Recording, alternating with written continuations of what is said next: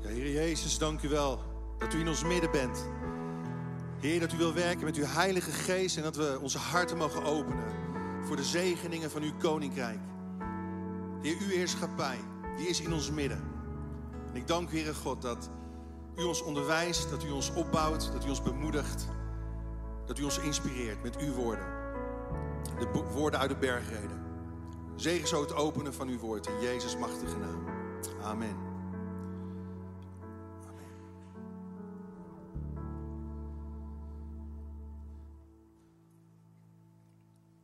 Als het goed is, heb ik een eh, uitgeslapen publiek voor ogen. Of niet? Ze zijn een beetje uitgeslapen. Ah, Oké, dat is nog niet echt te horen, maar. Toen ik hier eh, kwam, dacht ik, of aankwam, in eerste instantie, er zal vast niemand te laat kunnen komen. Er waren in ieder geval twee mensen te vroeg. Zullen we hen even een applausje geven? Ik weet niet precies waar ze zitten. Maar eh, om tien uur dacht ik, nou jongens, wat is het hier rustig? Zijn ze nog niet genoeg uitgeslapen? En dan op een gegeven moment komt het toch maar weer vol hier. Geweldig. Ja, u bent wel gaan zitten, maar ik vind het toch wel even de moeite waard om te gaan staan. Zullen we dat even gaan doen? Want dat hebben we al een tijd lang niet gedaan, volgens mij. Even elkaar een hand geven of een vuistje mag ook. Even draaien om naar degene die naast je zit, voor je, achter je. Eh, en begroet de persoon.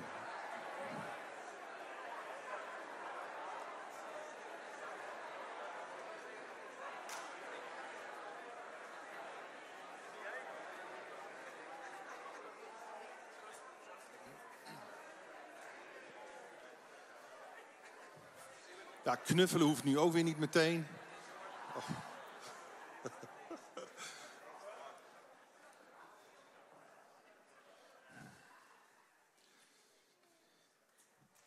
Ja. We gaan eh, verder met de felicitaties van Jezus, de zaligsprekingen. Gelukkig leven, hoezo? De Heer Jezus noemt een aantal ingrediënten op, eh, aspecten op van geluk waarvan je misschien denkt, nou, word ik daar nu echt gelukkig van?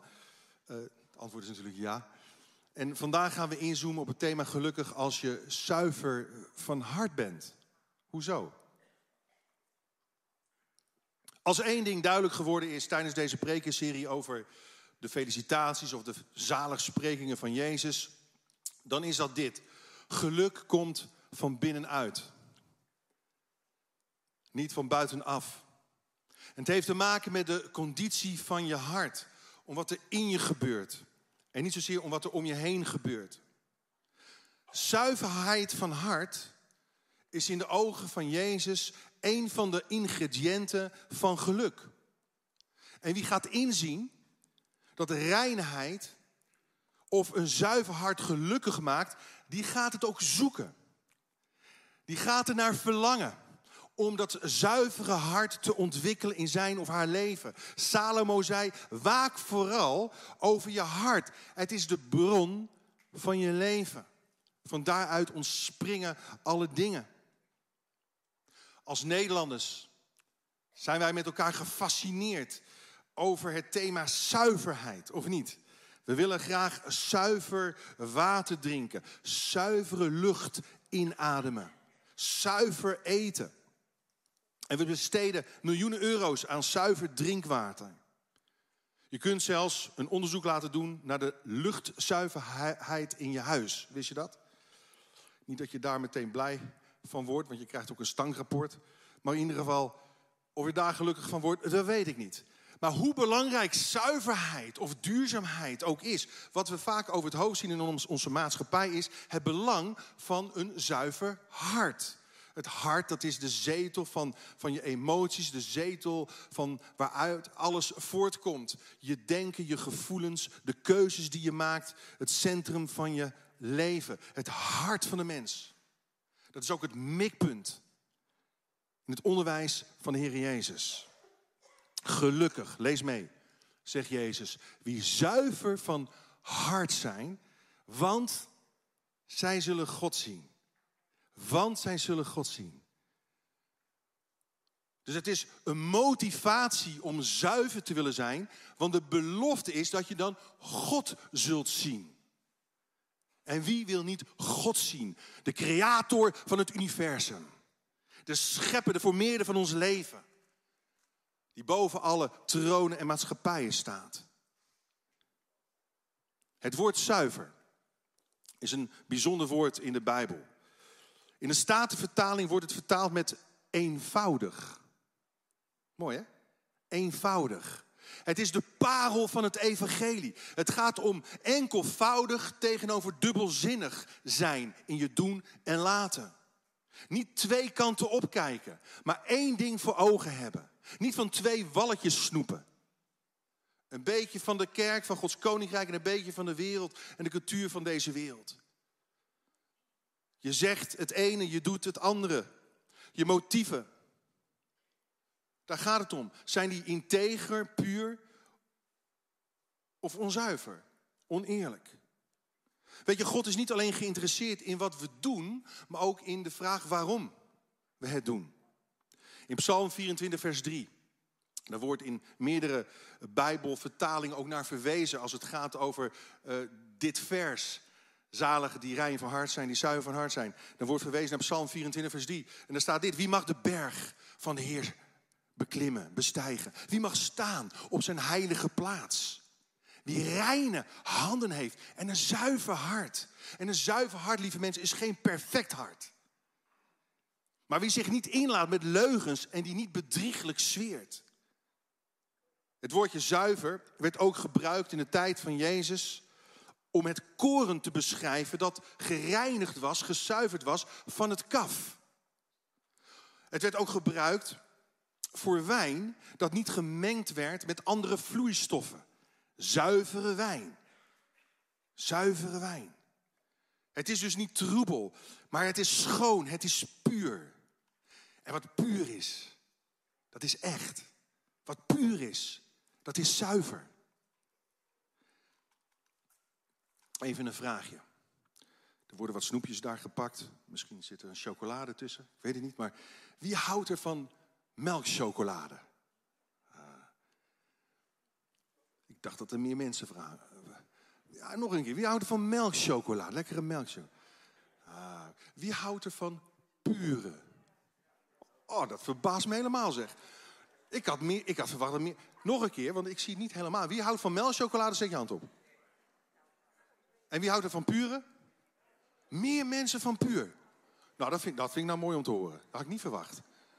Er zitten hier ook allemaal pure mensen natuurlijk. Nou, mijn hele illustratie gaat naar de konoppen. Goed. nou, ik kan deze illustratie wel overslaan, maar goed. ik dacht, ik ben ervan uitgegaan, de meeste mensen houden van melk en niet van puur. En ik zei, nou zie je, dat geldt ook geestelijk gezien. We houden sneller van wat, wat niet puur is dan wat, van dan van wat wel puur is. Maar goed. Maar puur, dat is authentiek. Het is ongemengde kwaliteit. Pure chocolade trouwens, dat weet u wel, verkleint het risico enigszins op hart- en vaatziekten. Als je natuurlijk met mate gebruikt, hè, dames? Met mate. Uh, en, en heren natuurlijk. Ja, je mag niet meer discrimineren. Hè? Mensen moet ik zeggen. Het verhoogt gevoelens van geluk door bepaalde stoffen die erin zitten. Weet je dat? Daar word je blij van. Van rein en zuiver zijn ook. Nou, wat is het? Wat maakt het puur of zuiver? Chocolade. Wat maakt het gezond en gelukkig? Bij pure chocolade worden alleen cacaoproducten gebruikt zonder ze te mengen met melkproducten. Melkchocolade, er wordt dus cacao vermengd met melkproducten. Dat maakt het in die zin onpuur. Nou, rein en zuiver van hart zijn is hetzelfde. Het is door één ding, door één product als het ware in beslag genomen worden. En dat ene ding is het koninkrijk van God, waarover we gezongen hebben. Ik zoek eerst dat koninkrijk van God en al het andere zal me bovendien geschonken worden. En we worden omringd. In onze tijd, in onze samenleving, door allerlei afgoden die hun plaats in ons hart opeisen. En het vele verdringt vaak de ene ware God. En zo kan ons hart heel makkelijk een soort van rommelzolder worden. In plaats van een tempel van de levende God. En in dezelfde felicitatie zit dus wederom die belofte. Want als je zuiver of rein van hart bent, dan zul je God zien. Als je Hem voor ogen houdt, dan kun je Hem straks ook in de ogen gaan aankijken. En Jezus, Hij leert dat, dat, dat je gelukkig bent wanneer je zowel van binnen als van buiten dezelfde bent, gaaf bent, puur bent, authentiek, echt, integer bent. Wanneer je geen bijbedoelingen hebt, maar zuivere motieven naar God en mensen toe hebt. En de vraag is dan natuurlijk, is het dan mogelijk om goede dingen te doen met verkeerde motieven? Ja, dat is mogelijk, jazeker. Jezus, hij besteedt er een heel hoofdstuk aan in de context van de bergreden, in de context van de zaligspreking moet ik zeggen, in Matthäus 6. Als uitvloeisel van die zaligsprekingen. Matthäus 6 vers 1, lees mee. Let op dat jullie de gerechtigheid, jullie godsdienst, als het ware, niet beoefenen.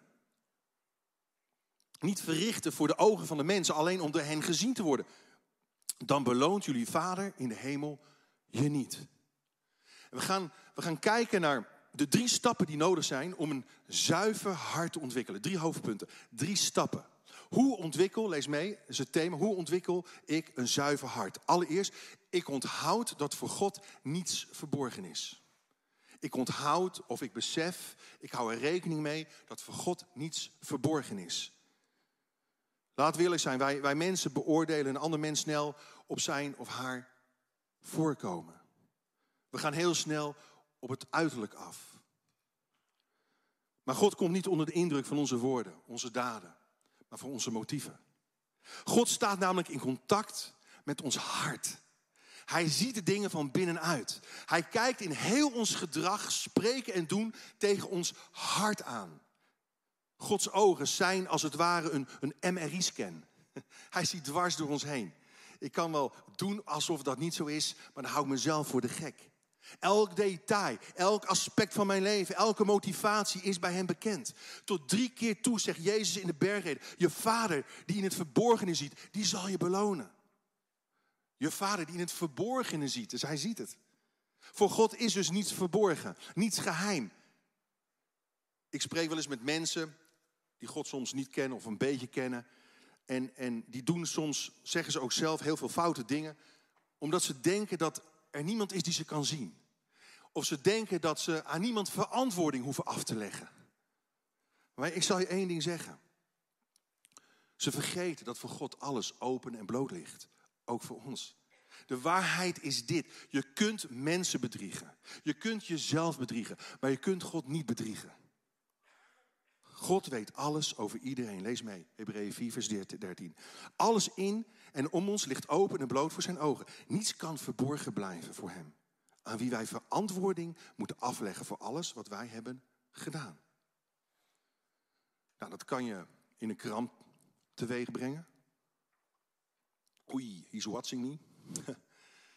Hij houdt me voortdurend in de gaten. Maar God is niet een soort van boeman hè, die die voortdurend uh, jou op de vingertjes of zo wil tikken. Nee, het bijzondere aan dit feit dat, dat, dat God alles over iedereen weet, dat voor hem niets verborgen blijft.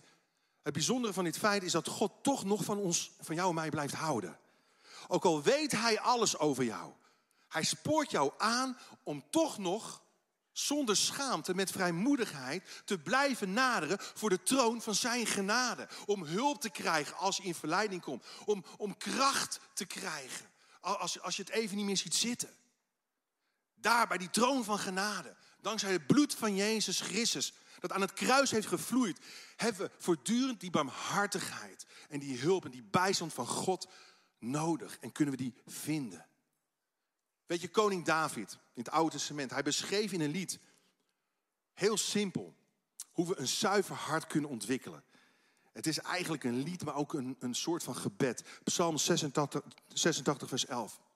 Daar zegt David, leer mij Heer uw weg, opdat ik in uw waarheid, in uw waarheid wandelen.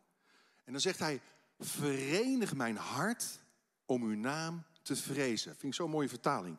Verenig mijn hart om uw naam te vrezen. Met andere woorden, maak mijn hart één, een eenheid. En, en in de Naardense Bijbelvertaling, die hebben we van mijn vader laatst gekregen op ons huwelijksfeest, er staat, richt mijn hart op dit ene, weer dat ene. De vrezen voor uw naam. Weet je, zuiverheid van hart is het willen van één ding. Dat zei de filosoof Kierkegaard, de Deense filosoof. Zuiverheid van hart is het willen van één ding. Het probleem is vaak ons verdeeld hart, dubbelzinnigheid. Eén deel van mij wenst God wel te aanbidden en het andere niet. Eén deel van mij wenst God wel meer te leren kennen en het andere deel niet. Het reine hart is echter het hart dat niet langer verdeeld is.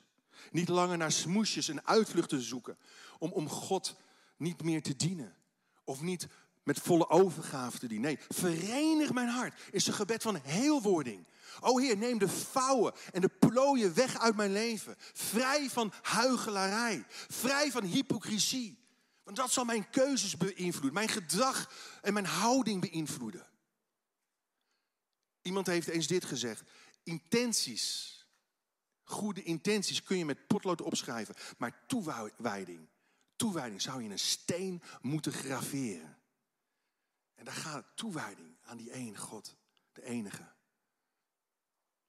Zo was er een brief van een kerklid betreffende zijn kerkbezoek. En over een onverdeeld hart gesproken. Lees mee of luistert u mee. Hij schreef naar zijn dominee, beste dominee. Ons kerkverzuim was dit jaar naar mijn mening geoorloofd. En goed te verklaren om de volgende redenen. Met kerst waren we op familiebezoek. Met Pasen op vakantie. In de week van de dag van de arbeid moesten we er even tussenuit om bij te komen. Aan het einde van het schooljaar moesten de kinderen even bijkomen. Met elkaar waren we bij elkaar opgeteld twee maanden ziek. Wegens slecht weer, sneeuw, ijs, regen, verschillende keren thuisgebleven. Onverwacht bezoek. Minstens één keer per maand. Vakanties, minstens vier keer per jaar. En per slot van rekening moesten we ook af en toe uitslapen om weer bij te tanken. Ja, sorry, maar er blijven er niet veel zondagen per jaar over, dominee. Dus u kunt ons in de kerk verwachten op de vierde zondag in februari en de derde zondag in augustus. Mits er geen sprake is van overmacht. Zoals u merkt, doen we er alles aan om ons volledig toe te wijden aan onze Heer. Hoogachtend een trouw en betrokken gemeentelid. Tja, onverdeeld? Nee. Een zuiver hart is God de eerste plaats in je leven zetten. En ik ga het ook nog ook nuanceren en een weer bijhalen wat het inhoudt. Maar ten tweede, waarom ik onthoud dat voor God niets verborgen is. Ten tweede, ik onderzoek mijn motivatie. Ik onderzoek mijn motivatie. Ik onderzoek mezelf waarom ik de dingen doe die ik doe. Weet je, het hart is nooit helemaal neutraal. De profeet Jeremia, hij zei al, argelistig is het hart, meer dan enig ding. Ja, dodelijk is het, wie zal het kennen? En iemand zei eens dit. Wie de mensen kent, heeft verstand. Wie zichzelf kent, is verlicht. In hoeverre ken je jezelf? En ben je daar eerlijk over? Wij herkennen vaak in de anderen fouten en gebreken die wij voor onszelf verborgen houden en ontkennen. We, we onderzoeken of we, we, vullen in wat voor, de, wat, wat voor motivatie bij de ander is of leeft, maar niet bij onszelf. En weet je hoe Jezus dit noemt? Oordelen. We zijn heel goed en heel snel om te oordelen. Oordeel niet, zei Jezus. In diezelfde bergreden, in de context van de zaligsprekingen. Want op de grond van het oordeel dat je veld zal over jou geoordeeld worden. En met de maat waarmee jij meet, zal jou de maat genomen worden. Dus oordeel niet. Hij roept ons wel op om, om de vruchten te herkennen. Zeker van, van valse profeten en valse leraren. Herken ze. Maar we kunnen niet in het hart van de mensen kijken. Dat kan alleen God. Nou, waarom zouden we nu onze eigen motieven, beweegredenen moeten onderzoeken? Omdat God geïnteresseerd is in de eeuwigheid, in de vraag hoeveel Hij van zijn Zoon in ons terug zal zien. En wat voor ons dus in de eeuwigheid zal tellen, is hoeveel God van zijn Zoon in ons heeft kunnen leggen. En hoe dat tot ontwikkeling is gekomen, dat beeld van Christus in ons. onderzoek jezelf. Want, lees mee, als je zegt, ik kan er ook niks aan doen. Zal God die de harten ziet en de diepste beweegredenen kent, dan niet beter weten? Want God zal de mensen vergelden naar wat zij gedaan hebben. Dus de, de vergelding die we krijgen is niet alleen op wat we gedaan hebben, maar ook op de vraag waarom we het gedaan hebben. En Jezus, hij geeft eigenlijk drie voorbeelden waarop de zuiverheid van hart in ons tot uiting kan komen. Ik onderzoek mijn motivatie, lees mee, allereerst op het gebied van mijn vrijgevigheid. Op het gebied van mijn vrijgevigheid. Ja, er was eens een moeder die in de auto op weg terug naar huis het volgende zei. Het worshipteam zong vreselijk vanmorgen, zei ze, in de auto. En de vader zei, ja, de preek duurde weer veel te lang. Maar hun dochtertje van zeven voegde eraan toe. Och, voor die paar euro die we in de collecte hebben gedaan, was het toch geen slechte show. Kijk, we kunnen heel makkelijk onzuivere motieven ontwikkelen in ons giftenpatroon. Zowel binnen als buiten de kerk trouwens. Bijvoorbeeld, als ik me goed voel, dan geef ik goed. Zit ik niet zo lekker in mijn vel, dan geef ik minder. Of als ik er naar mijn zin heb, dan zet ik me in. Zo niet, dan trek ik me terug. Of we lopen te koop met wat we allemaal doen. We doen dan goede dingen, zodat mensen ons kunnen eren, zien en waarderen. Jezus zei, dus wanneer je barmhartig bent, lees mee, lopen dan niet mee te koop. Zoals de schijnheiligen dat doen. In de synagoge en op de straat. Om door de mensen geprezen te worden. Daar ga je het niet voor doen.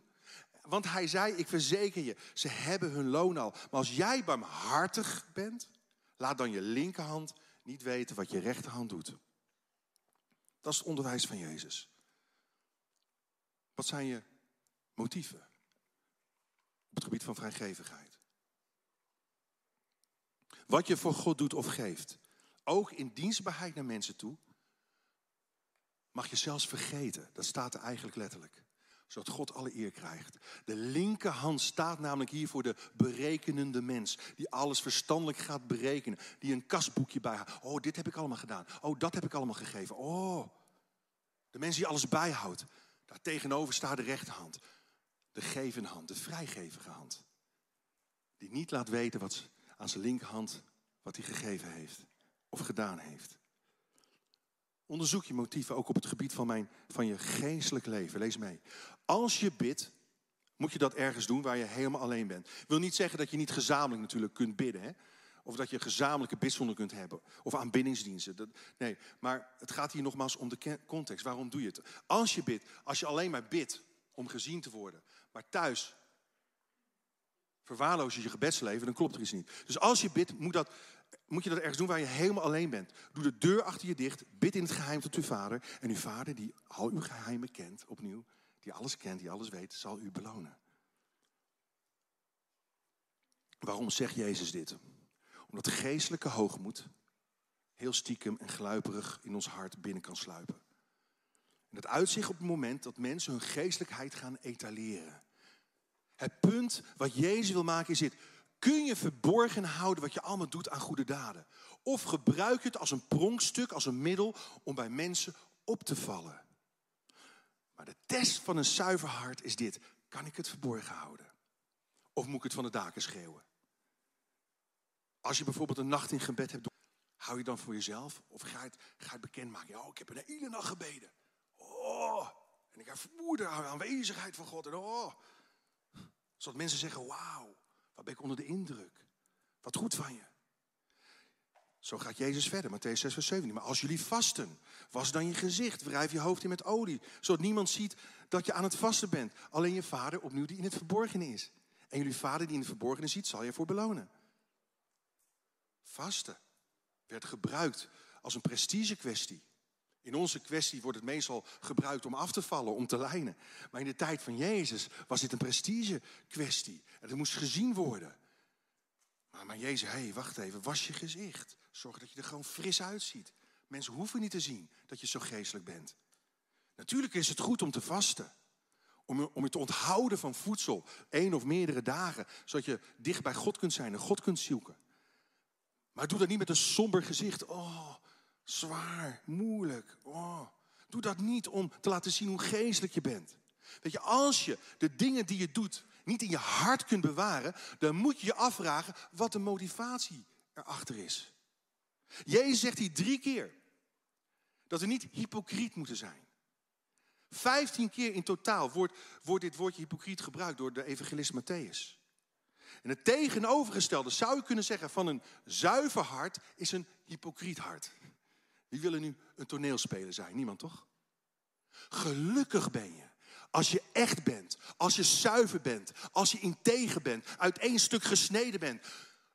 Weet je, als je de gunst van mensen zoekt, dan zul je dat krijgen. Maar verwacht dan niet dat je ook nog een keer door God beloond gaat worden. En dan tot slot. Ik evalueer mijn prioriteiten. Ik evalueer. Hoe ontwikkel ik een zuiver hart? Door mijn prioriteiten te evalueren. Jezus zei dit. Zoek eerst zijn koninkrijk en zijn gerechtigheid. En de al het andere zal u bovendien geschonken worden. Hoe goed alle dingen op aarde op zichzelf ook mogen zijn. Op het moment dat al die goede dingen het punt in ons leven worden waar alles om draait, veranderen die goede dingen in afgoden. En dat wil, daar wil Jezus ons voor behoeden. Behoed je hart, bewaar je hart boven alles. Weet je, de persoon die niet eerst het koninkrijk van God zoekt, die zoekt het helemaal niet. Dus hoe weet ik dat ik de juiste prioriteiten in mijn leven toepas? Er zijn drie manieren om dit te testen. Allereerst door, de, door te kijken naar de focus van mijn investeringen. Dat is allemaal in de context van een zaligspreking. Matthäus 6, vers 19. Door te kijken naar de focus van mijn investeringen. Waar investeer ik mijn tijd en mijn geld in? Daaraan kan ik zien waar mijn hart is. Je kunt wel zeggen, ja, God staat op nummer één in mijn leven. Maar als God in jouw agenda zou kijken of in je rekeningafschriften, dan wordt heel snel duidelijk of dat zo is of niet. En Jezus zei ook in die context, verzamel geen schatten op aarde. Lees mee. Waar mot of houtworm ze aantast, waar dieven inbreken om ze te stelen. Maar verzamel schatten in de hemel. Waar je schat is, zal namelijk ook je hart zijn. Waar je schat is, zal ook je hart zijn. Waar we ons geld aan uitgeven, onze tijd in stoppen, laat zien wie of wat op de eerste plaats in ons leven staat. Dus wat heeft de meeste focus in jouw leven, in jouw investeringen? En natuurlijk, dat is even die nuance die ik erin wil brengen. Ik begrijp, niet iedereen hier kan fulltime predikant zijn. Niet iedereen kan fulltime zendeling zijn, of parttime, of wat dan ook. En de meeste van jullie hebben allemaal een baan. En ik zal je zeggen, ook dat kan een roeping zijn. Hè? Het werk wat je doet, onderschat dat niet. Het is niet alleen in de kerk. Het is ook op je werk. Want jij kunt mensen bereiken die ik niet kan bereiken.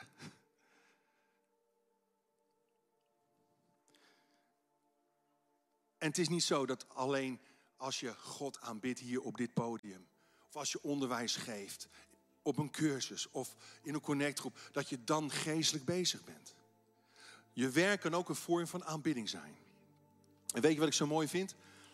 Onze zoon Anthony, die gaat naar een uh, speciale werkplaats in Dokkum. Twee dagen in de week. Gaat twee dagen naar de Zwaan.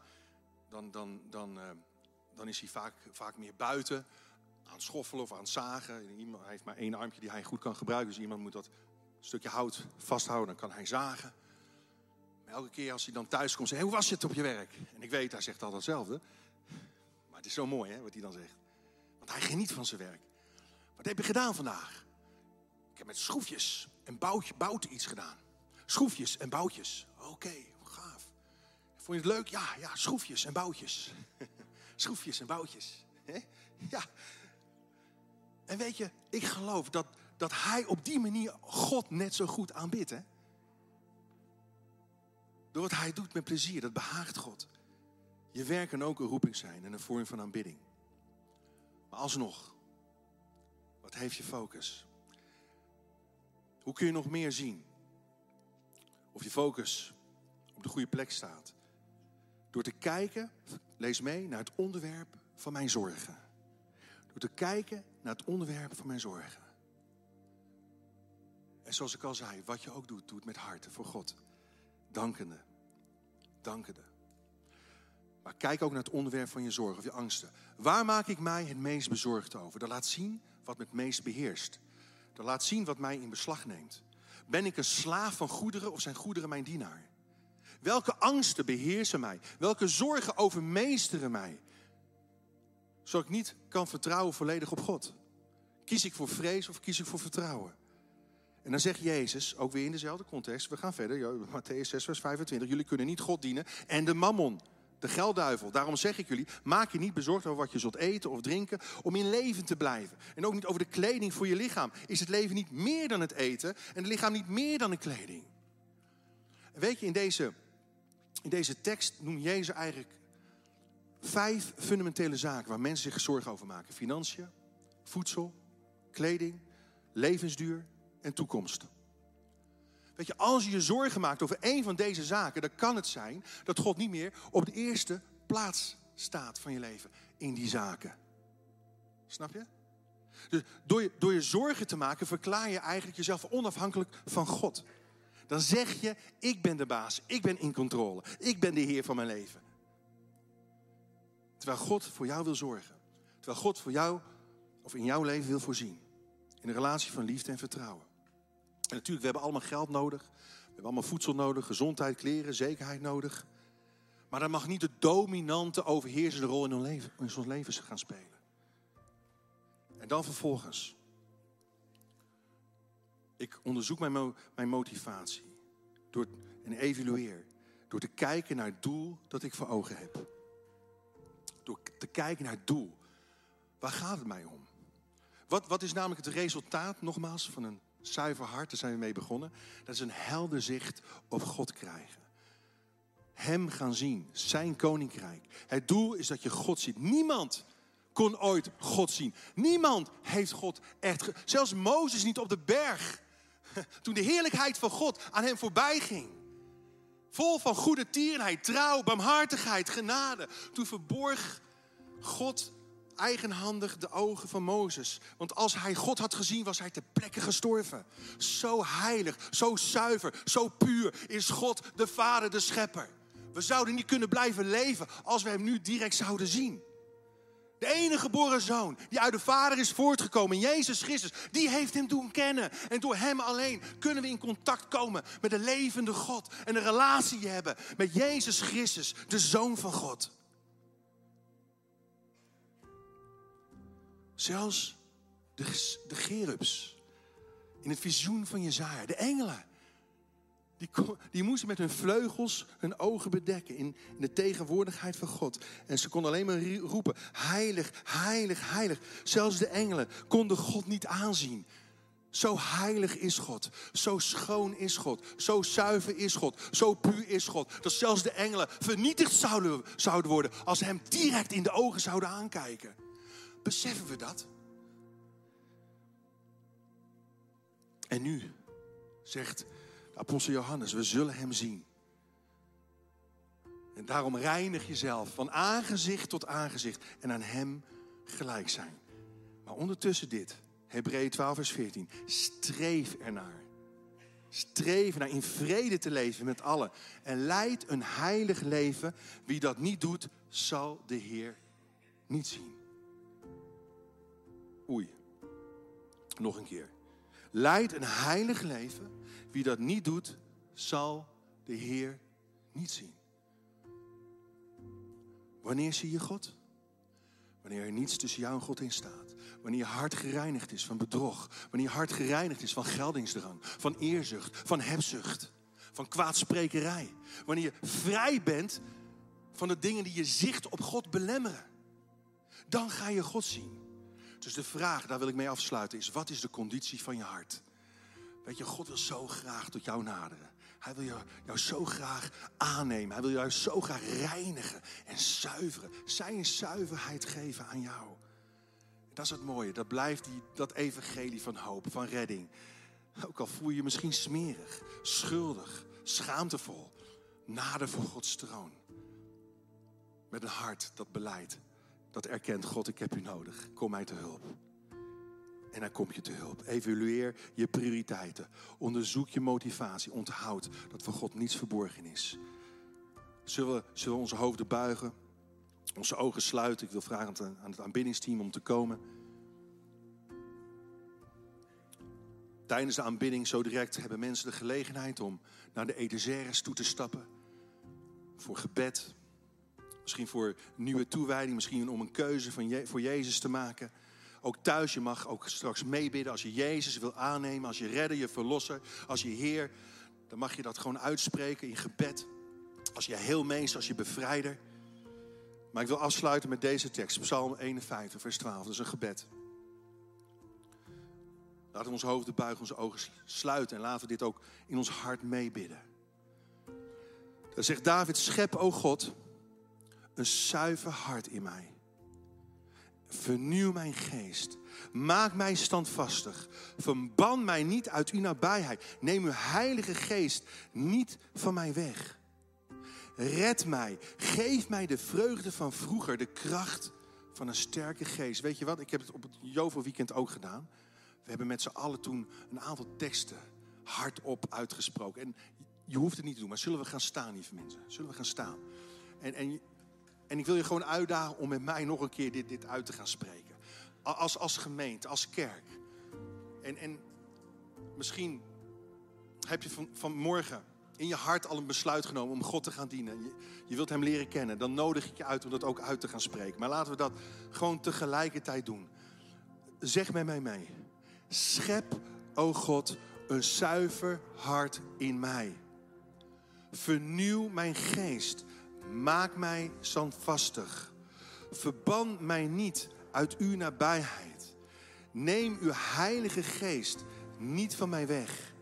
Red mij. Geef mij de vreugde van vroeger. De kracht van een sterke geest. In Jezus' naam.